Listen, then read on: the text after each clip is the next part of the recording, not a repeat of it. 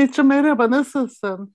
Neslinciğim iyiyim. Sen nasılsın? Gayet iyi görünüyorsun. Vallahi, Vallahi Türkiye Cumhuriyeti vatandaşı diyorum nasılsın diye soranlara. evet Mehmet iyi, iyi, iyi görünüyorum ama yani dün akşam, dün biliyorsun Gündüz grup toplantıları vardı. Önce bir Bahçeli'yi dinledim. Ee, Daha sonra akşam e, Bakanlar e, Kurulu toplantısı sonrasında e, Cumhurbaşkanı'nı dinledim. Yani e, işte ne kadar sonra iyi olunabilirse Ne kadar, o kadar yararlı bir zaman kullanımı bu. Evet kesinlikle öyle. Ne kadar iyi olunabilirse o kadar iyiyim yani bu iki şeyden sonra. Şimdi hemen konuya gireyim Mehmet.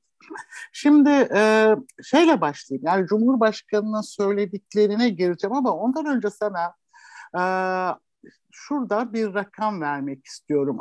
Ama resmi rakamları hep kullanıyorum. Çünkü sonra biliyorsun yani yalan haber bilmem ne falan diye söylüyorlar. Onun için herhalde Aile ve Sosyal Hizmetler Bakanlığı'nı da yalan Ne kadar, haber ne kadar naziksin. Resmi Evet, kesinlikle. Yani bu konu- rakamları ayırıyorsun. ayırıyorum yani. Onun için Aile ve Sosyal Hizmetler Bakanlığı'nın şeyini kullanıyorum. İnternet sitesinde yayınladığı raporu kullanıyorum.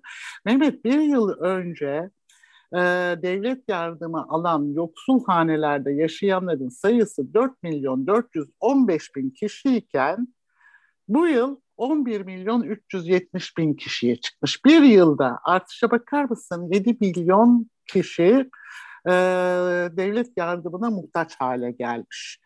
Şimdi bir iki istatistik de vereyim. Şubat'ta gıda fiyat artışı yine resmi rakamlarla veriyorum. E, yıllık yüzde 65, aylık yüzde 85 ki gıdada şey yapıldı, KDV indirimi yapıldı. Bir de artan enerji maliyetleri, ulaşım maliyetleri falan bütün bunları koyduğunda tarımda üretici maliyetlerinin ortalama, tarımda üretici maliyetlerinin ortalama şeyi artışı yüzde 300'e dayandı. Şimdi geliyorum Cumhurbaşkanı'nın sözlerine. Şimdi Cumhurbaşkanı dün diyor ki "Ee, yaşanan sıkıntıların farkındayız diyor. Bugün gelişmiş devletlerin bile çaresiz kaldığı krizleri başarıyla yönettiğimiz bir yerde duruyoruz. Bütün bunları son 10 yıldır maruz kaldığımız vesayet oyunlarına, terör saldırılarına, darbe girişimlerine, siyasi ve ekonomik tuzaklara rağmen başardık. Birçok ülkede enflasyon yaşıyor, gıda temininde güçlük çekiyor. Biz pozitif olarak ayrıştık. Kontrolü elimizde olmayan sebeplerden dolayı fiyat artışları yaşıyoruz. Hedeflediğimiz re- refah seviyesinin tam kıyısındayız. Biraz daha sabır diyor. Ne diyorsun Mehmet? Yani 20 yıldır olan bir iktidar halen tam kıyısındayız diyor. Sen ne diyorsun Mehmetciğim? Nesin bir kere sana İnanayım mı? bir burayı yönetenlerin konuşmalarını dinlememeyi tavsiye ediyorum. Ee, aynı zamanda grup toplantılara bakmamanı tavsiye ediyorum. Türkiye'nin Ankara siyasetiyle ilgilenmemeni ama yaşanan bu muazzam yoksulluk, açlıkla tabii ki eskisinden çok daha fazla bir yoğunlukla bunu izlemeyi öneriyorum. Çünkü nihayetinde oradaki adamların tek bir derdi var, siyasi iktidarda kalmak. Onlardan doğru bir şey e, beklemek, söylediklerinin doğru olduğunu varsaymak, e, söylediklerini ciddiye almanın bir manası artık e, kalmadı. Epeydir de kalmamıştı, uzun süredir de kalmamıştı. Senin verdiğin rakamlar, a, hanelerde yaşayan yoksullar, bu senin söylediklerindeki en önemli vurgu bu. Aynı zamanda Tüketici Hak, Hakları Derneği de e, önceki gün muazzam bir açıklama yaptı. Rakamlar doğruysa zaten başka bir şey konuş. Bunun dışında başka bir şey konuşmaya gerek yok. Diyor ki 25,5 milyon açlık sınırında. 51 milyonda yoksulluk sınırının altında. Türkiye sefilleşirken e, ve bu sefilleşme verdiğin rakamların da ışığında hızlı iğme artı iğmesi artarken, yoğunlaşırken, derinleşirken siyasetçi hala başka bir iklimde yaklaşmakta olan seçimleri kazanır mıyım diyor. Ama belki de konuşmamız gereken şey ya bu yoksulluk ve bu açlık taşınabilir mi? Yani Evet. ben Yani Esas burada çok lazım. Çok ciddi bir sorun var. Yani mesela tarımdaki rakamlara bakıyorum. Evet bu maliyet artışları nedeniyle Türkiye'de tarım alanlarının yüzde on üçten fazlası boş duruyormuş. Yani Orta Anadolu'da bu rakam yüzde yirmi beşe çıkıyor. Niye ekilmiyor biliyor musun Mehmet? Tohum pahalı, su pahalı, enerji pahalı, mazot pahalı. Bu nedenle ekemiyor. Yani ektiği zaman toplayamıyor, pazara ulaştıramıyor. Böyle bir sorunu var ve yani Türkiye böyle bir sorun yokmuş gibi e, yol yürümeye devam ediyor. Halen pozitif olarak ayrıştığımızı falan söylüyoruz. Yani bir çok söylüyorum sayden insan e, öfkeleniyor. Ya biz bunları e, son e, 10 yıldır e, bir sürü yalan, dolan, her gün yalan ve dolan dinliyoruz. Yani şimdi bunu buna inanan var. E, algı operasyonuna uyan var. Algı operasyonundan etkilenen var. Gittikçe azalıyor. Ama artık bunun bir algı operasyonuyla örtülmeye çalışılmak istenen bir cehalet, bir bilgisizlik, bir yeteneksizlik, bir dolayısıyla halka halka zulmeden bir e, davranış biçimi olduğu vakit bunların ciddiye de almaya gerek yok, konuşmaya da gerek yok. Ama çok vahim bir noktaya doğru gidiyoruz. Bu taşınamaz bir hale geliyor bu yoksulluk ve sefillik. Yani bu enflasyon, pahalılık, e, durmadan artıyor ve sokakla ilgisi olan insana e, değer veren, insanın en kutsal canlı olduğu düşünen her vicdan sahip ki bugün dün e, Dünya Vicdan Günü'ydü. Ya hiç vicdanınız yoksa bile siyasi iktidar olarak Allah aşkına bir gün vicdanınızla şu topluma, yoksullara, açlara bakın ya. Bırakın bu yalanları ve palavraları. Onun için bunun e, bence sosyal e, bünyedeki tahribatını, bunun nereye kadar böyle sürebileceğini tartışmak lazım. Bir de Yine... tarımla ilgili söylediklerin önemli ama buranın tarımı bir cümle söyleyeyim bırakayım sana e, düşüncelerini merak ediyorum. Yok onu söylemeden ben sana yine tarımla ilgili başka bir şey bir rakam daha vereceğim. Çünkü onlara göre yani gerçekten şimdi bir, bir, bir dolu ülkede e, tarımın bir şey olduğunu yani bir milli güvenlik sorunu olarak kabul edildiğini söylesek herhalde kimse bize inanmaz değil mi? Yani çünkü e, o, o yani evet yani o o halde çünkü her tür desteği en, en üst düzeyden sağlarlar. Ve böyle dönemlerde işte şu anda biz Ukrayna ve Rusya'dan gelecek buğdaya ve ayçiçeğine muhtacız. E, iktidara yakın gazeteler biliyorsun gemiler ayçiçeği yüklü gemiler yola çıktı diye müjde e, diye haber verdiler. Yani ya artık o haldeyiz. Ya. Yani hiç evet hakikaten. Yok. Şimdi e, mesela bütçenin yüzde birine karşılık gelmesi gereken tarımsal destekleri hükümet son 10 yıldır iktidar binde 3 civarında tutmuş Mehmet. Bu arada mazot ve gübre sırasıyla yüzde 200 ve yüzde 150 artmış. Son bir yılda tarımsal ödemeler bir yıl geriden gelmeye başlamış. Yani şimdi şimdi sen devam et. Rakamlara bak. Kıyas etmiş. Yani eğer kulak hassasiyetin var ise söyledikleri şunu söylüyor. Tarım iflas etti. Ama bu çok daha e, köylüler ne zaman manşet olur diye benim yıllarca önce yayınladığım bir kitap var. Ben yaşamımın, akademik yaşamımın da çok büyük bir bölümünü Türkiye'nin bu tarım sorunlarına ayırdım. Ve bu hiçbir zaman radikal biçimde konuşulmadı. Bunu bir cümleyle özetlemek istiyorum. Türkiye'de tarımı verimli olsun diye çırpındım ben bir şekilde. Yani neden verimli değil? Çünkü araziler parçalanmış. Türkiye'de ortalama işletme büyüklüğü 4 hektar civarındadır. Halbuki bu Fransa'da 70 hektardır. Amerika'da işletme başına e, düşen e, işletme e, tarım alanı 300 hektardır. Hektar. Şimdi buraya hiçbir zaman ben çırpınıp durmuştum. O zaman başka şekilde siyaset köylüye para veririm oyunu alırım ama onu zenginleştiremem yahut onu piyasa için e, üretim yapar hale getiremem e, anlayışıyla bu işleri radikal olarak çözemedi. Bu verimsizlik sonunda insanların tarımdan vazgeçmesi, baş edilemez bir pahalılığa dönüşmesi e, ve bugünkü duruma geldi. Yani bugünkü duruma gelmesinde AK Parti iktidarının inanılmaz bir boş vermişliği, e, aldırmazlığı, e, radikal değişimler yapmak yerine ithalat üstünden e, hayatı idame ettirmeyi esas almasının nedenleri var ama aynı zamanda tarımsal arazileri tarımsal arazileri ranta açması. Yani, yani. Türkiye'nin aslında şu anda çok acil bir durum var. Çünkü açlık kapıda. Ama tarım konusunu konuşacaksak arazi büyüklüğü, e, işletme başına düşen büyüklük pazar için e, üretim ve verimliliği konuşmamız lazım. Onu da kimse konuşmuyor. Konuşmaya konuşmaya da bu hale geldik. Bu hale geldi maalesef. Evet yani tarımda problemlerimiz son derece derin ve giderek de derinleşiyor. Dediğim gibi açlık kapıda ama şimdi bir başka konuya geçmek istiyorum. Ben yine senin e, şeyine tavsiyene önümüzdeki haftalarda uyacağım. Ama dün akşam dinlediklerimden sana yine bir başka şeyi söylemek, sormak isterim. Buyur. Sen yine oradan devam etmeye bekliyorum. Şimdi güçlendirilmiş parlamenter sistemle ilgili Sayın Erdoğan'ın söyledikleri de şu. Diyor ki yurt dışında hazırlanmış bir raporu kendi çalışmalarıymış gibi kamuoyu önüne çıkaranların ülkenin ve milletin hiçbir meselesi konusunda fikir çilesi çekmedikleri açıkça ortadadır.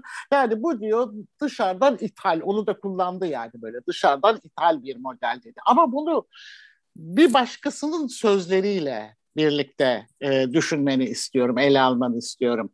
Biliyorsun e, bir gün önce de mutlaka gözüne çarpmıştır yani her ne kadar bakmıyorum desen de Soylu'nun bir açıklaması vardı biliyorsun. O da şu şöyle demişti. Birleşmiş Milletler ve NATO'nun e, dünyadaki küresel örgütlerin iflasını hep beraber görüyoruz hiçbir değerleri söz konusu değil. Ben bunu yıllardır söylüyorum.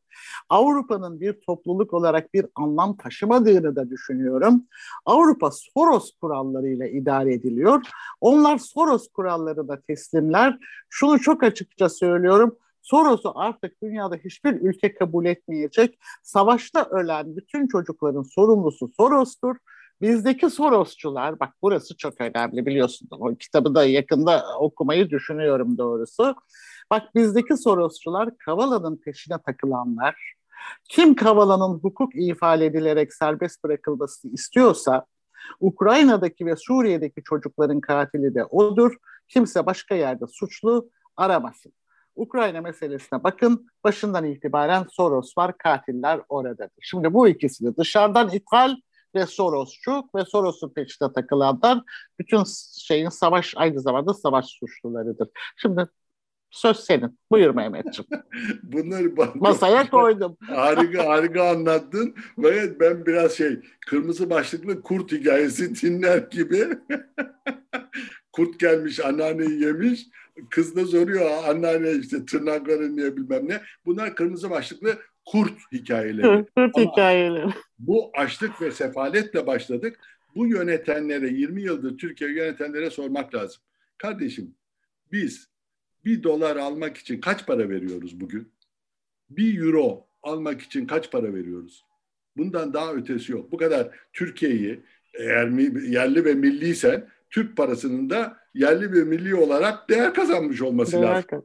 Türk parası nerede?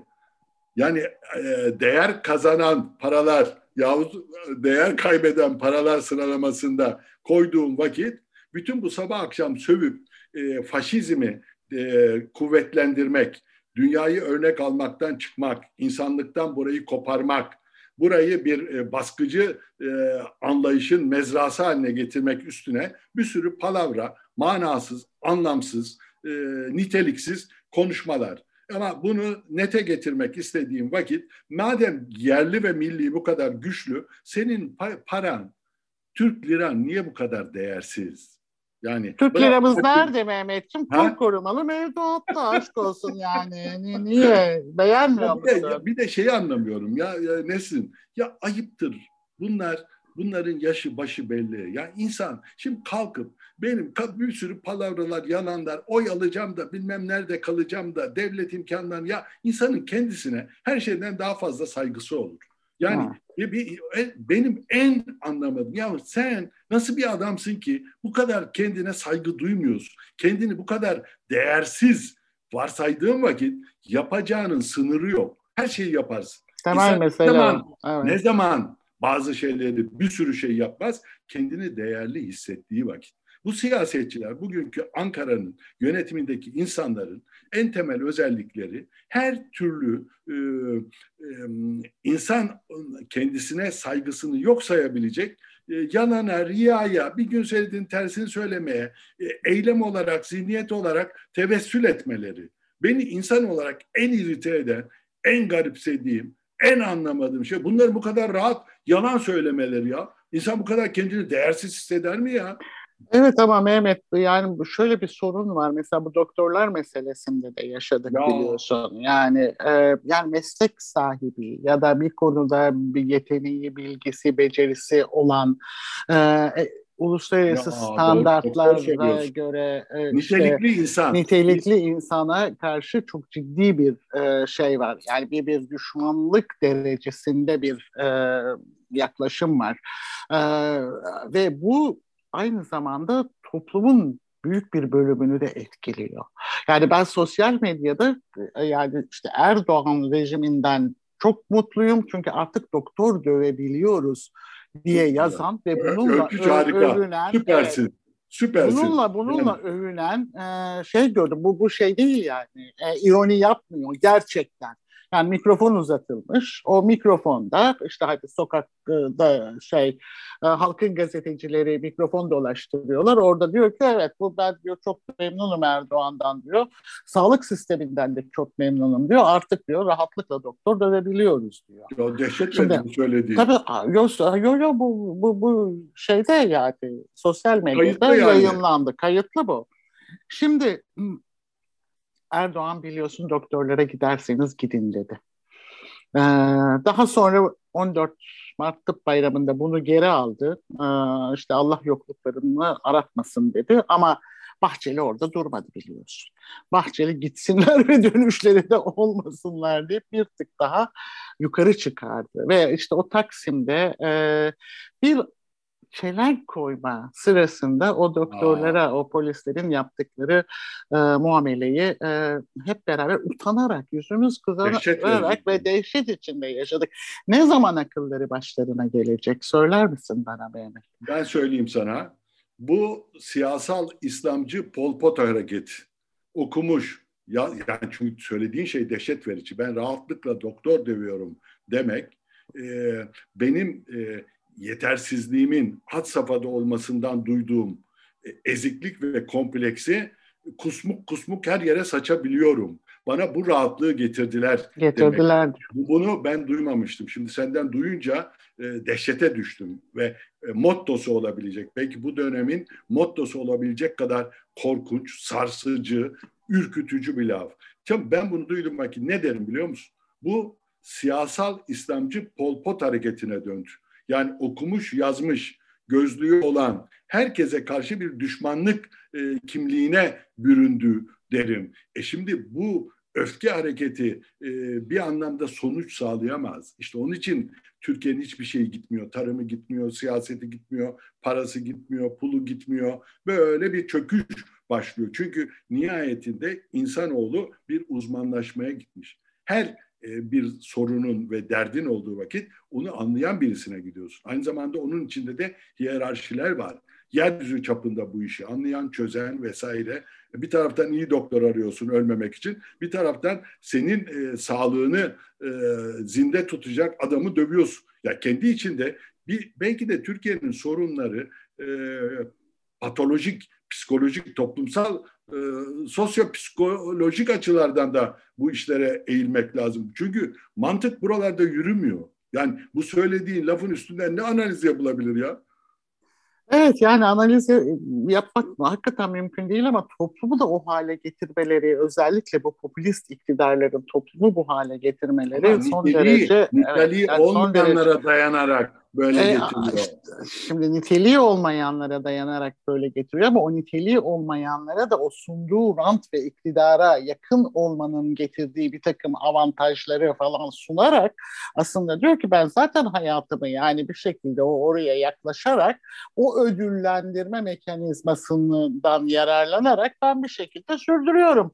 Ötesini onlar düşünsün diyor. Ama sürdürebiliyor yani, Niteliksiz işte, Yani bu, bu giderek bu giderek sıkışmaya başlıyor. Yani niteliksiz yani, derken şunu söylemek istiyorum. Söylediğin doğru. Yani gittikçe bu eriyor. Mesleksiz olan bir dünyadan ilişiğini koparmış, öfke yumağına dönmüş kitle gittikçe aslında tabanı azalıyor. Yani oradan devam et. Yani oraya dayanıyor ama bu eriyor. En sonunda bu kadar yalan dolan ve nitelik düşmanlığı en niteliksiz olan bir kesim üstünden siyaset yapmaya neden olacak. Onun için oyları eriyor. Ama işte ama işte sonunda toplumlar genellikle başlarına çok e, büyük bir bela geldiğinde ya da çok ağır bir maliyetle karşı karşıya kaldıklarında ne yazık ki uyanıyorlar. Yani çünkü bu tür rejimler biliyorsun önce e, şey yani aydınları değersizleştiriyor. Meslek sahiplerini değersizleştiriyor ve onları toplumun önüne atıyor. Onları bir iç düşman ediyor. gibi kurumları bir şekilde yok ediyor. Sonra doğruyu gerçekten şey yapıyor, yok ediyor ve ortada tek bir siyaset yok ediyor. Siyasetin alanını bir anlamda bataklığa çeviriyor ve siyasete giderek e, siyaset yapmayı böyle teknik ve propagandaya sıkışan bir şey e, iş haline getiriyor e, ve ondan sonra kolay kolay çıkamıyorsun. Yani ve toplumları öyle bir hale getiriyor ki sürekli korku ve bir baskıyla işte Rusya'nın halini görüyoruz. Ee, o, o korku ve baskı karşısında bir süre sonra büyük bir kesim e, henüz daha iktidar kendilerinden bir şeyi yapmasını istemeden kendiliklerinden yapmaya başlıyorlar ve böylece giderek toplumlar suskunlaşıyor, sessizleşiyor ve bütün bir adaletsizlik, işte e, yoksulluk karşısında e, herkes e, işte kendisi gemisini kurtaran kaptandır anlayışıyla. İşte böyle toplum olma hali yok oluyor. Yani bu hale getiriyorlar Mehmet. Doğru ama buradaki bence en önemli ne isterlerse yapsınlar. Yani bu kadar yalan, dolan, e, yolsuzluk, soygun e, ve keyfiyet tabii ki kurumları e, yok etmek, niteliği yok etmek. Yani buna duyduğu vakit inanmayacak, e, bunun manasızlığını bilecek. Bununla hatta e, ilk başlarda dalga geçip gülecek, sonra büyük bir eziyetini çekmeye başlayacak olan koca bir toplumun karşısında yürümez. Bunu yok etmeye çalışıyor. Onun için de gide gide gide gide buna inanacak olan çok e, dar ve küçük bir çevreye doğru gidiyor. Ama buradaki en önemli şey senin söylediğin, programın başında söylediğin yoksul hanede yaşayan insanların bir yıldaki sayısının artış miktarı, aynı zamanda Tüketici Haklar Derneği'nin 25,5 milyon açlık sınırında insan var 51 milyon yoksulluk sınırında. Eskiden küreselleşme, para bolluğu, e, Avrupa Birliği reçeteleriyle AK Parti e, büyük bir büyüme, ekonomik büyümeyi sağlıyordu. Şimdi sağlamadığı vakit ben bir adamı niye dinleyeyim ya? Yani bir şekilde bir sürü palavra, e, baba özgürlüğüm yok, refahım yok. Ben seni niye dinleyeyim kardeşim? Dinleyen sabret Mehmet, vardır. sabret, sabret, sabret, sabredeceksin. Yani sonuna geldik kıyısındayız. Sabredeceksin. Neyse yani işi... yani bir, bir şekilde onun için e, seçim yasası değiştirerek evet. gelelim ona. Gelelim ona. Seçim yasasını değiştirerek sağlanabilir mi? Evet. Yani ne diyorsun? Seçim yasasını değiştir. Bak orada bir şey. Yani şimdi Millet İttifakı'nın bir araya gelip altı siyasi partinin o güçlendirilmiş parlamenter sistem kitapçığıydı. işte bunu yayınlaması. Yani okudun herhalde değil mi Mehmet? Evet, yani aslında uzlaşması hakikaten kolay olmayan bir dolu şeydi. O, o mevcut zihniyeti Türkiye'de dikkate aldığında altına imza koymuşlar, uzlaşmışlar. Şimdi Türkiye bir krizden diğerine koşarken, her kriz bir diğer krizi besleyip büyütürken, şimdi e, e, öyle bir seçim yasası e, tekrar geldi ki yani aslında çok da büyük bir yenilik yok yani eskiden olan don sistemini e, şey yapan ittifakları bir anlamda geçersiz kılmaya çalışan bir şey. E, ne diyorsun yani bu konuda? Ya, bir, net, bir kere e, bu seçim yasası 82 darbesinde 80 darbesinden kalmadır. 83'te galiba yasalaşıyor. Şimdi bir yani kere, nispi temsil sistemi içinde en adaletli seçim yasası Türkiye'nin evet. e, bir darbeden sonra yapılmıştır. işte orasını burasını zaman zaman iktidarı kaybedeceğini düşünen ve anlayan, gören siyasi iktidar bunun orasıyla burasıyla oynar. Ama bir 80 darbesinin ürünü olan bir seçim sisteminden, siyasi partiler yasasından da gocunmayan bir siyaset müessesesi var. Bunun bir kere altını çizmek lazım. Bu 12 Eylül'ü hiç konuşmuyor Türkiye. Onu yapamadığı için bir e, siyasi İslam anlayışının e, baskıcı, bizi nefessiz bırakan haline geçti.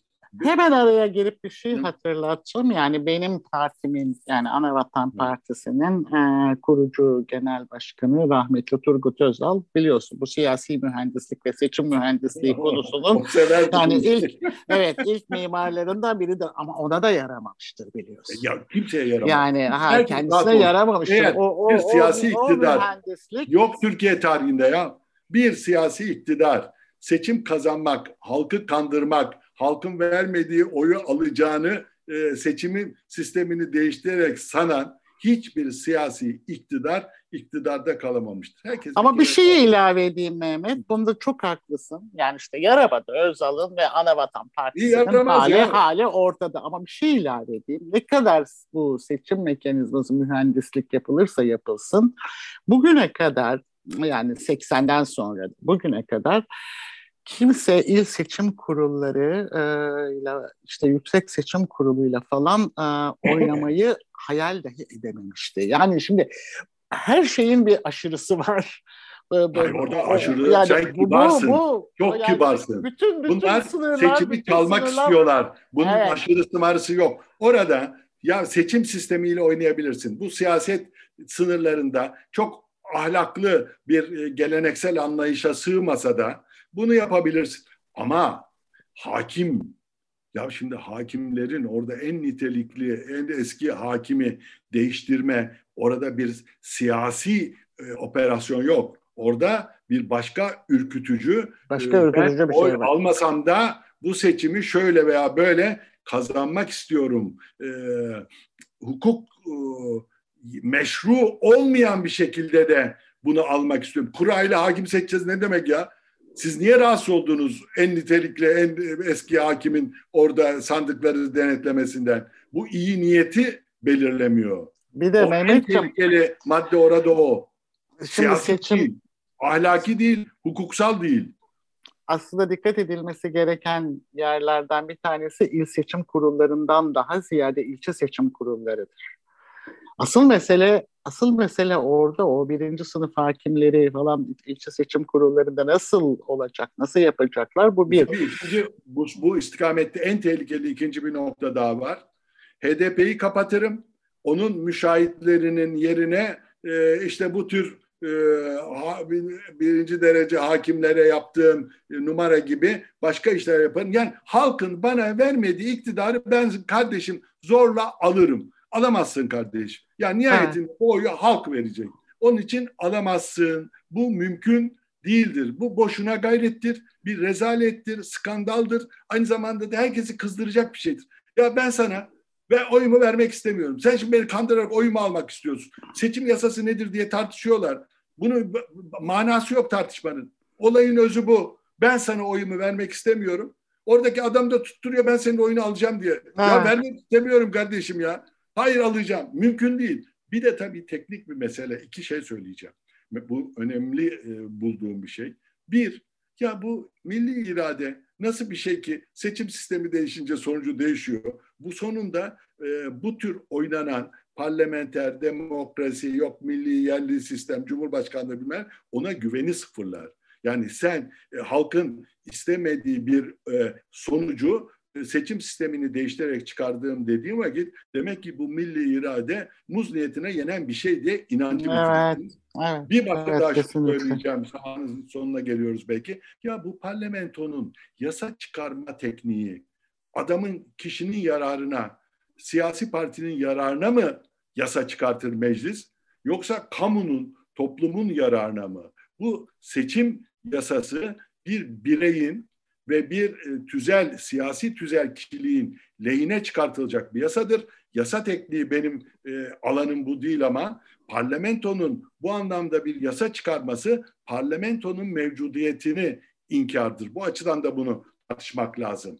Tabii tabii kesinlikle. Yani zaten e, parlamento e, konusunda Erdoğan'ın e, görüşleri belli biliyorsun. Yani ülkeyi de aynı zamanda bir şirket gibi yönetmek istediğini de defalarca söylemiştir. E işte en son görüyoruz o şirket gibi yönetmenin bedelini Türk Telekom'un e, hepimize bedeli maliyeti hepimize yüklenilen e, o felaket zararını, o felaket özelleştirmeyi ve sonunda üstte tekrar para vererek varlık fonunu almalarını evet, görüyoruz. Şirket değil mi? böyle yönetilmez. Şirket batar ya. ya kim, hiç, hiç kimse şirketini böyle yönettirmez böyle zaten.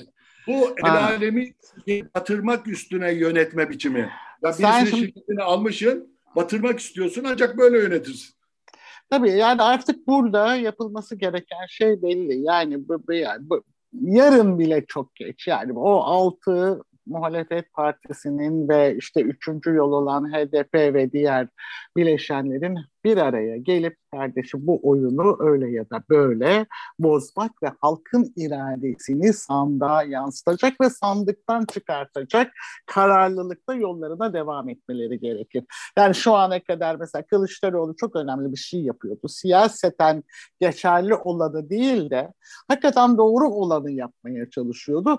Bundan sonra da doğru olanı yapmaya çalışarak e, bu, bu şeylerin hepsini mühendislikleri, hesapları bir kişiye göre oluşturulan seçim sistemini, ülke işte bilmem yasalarını, yönetim biçimini falan hepsini e, arkada e, bırakabiliriz diye düşünüyorum. Yani tek şey var, sandık güvenliği.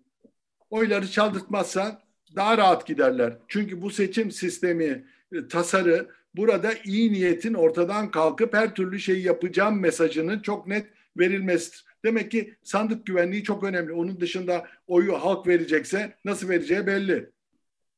Bir de tabii biz hep şunu anlatmak zorundayız. Yani tek adamların herhangi bir denge ve denetleme mekanizmasına kendini bağlı hissetmeyen tek adamların toplumlara maliyetinin ne kadar yüksek olduğunu, toplumlarına ne kadar ağır bir bedel ödettiklerini hep sürekli hatırlatmalıyız. İşte örneği ortada. Rusya ve Putin. Görüyorsun hem kendi halkına hem başkalarına hem dünyaya çok ağır bir bedel ödetiyor. Bunu sürekli hatırlatmak durumundayız. Çok haklısın Nesrin. Gülmesini bilmeyen dükkan açmasın derler. Suç işleyecek de devlet, suç işlemeyi hedef alan birisi de devlet yönetmesin.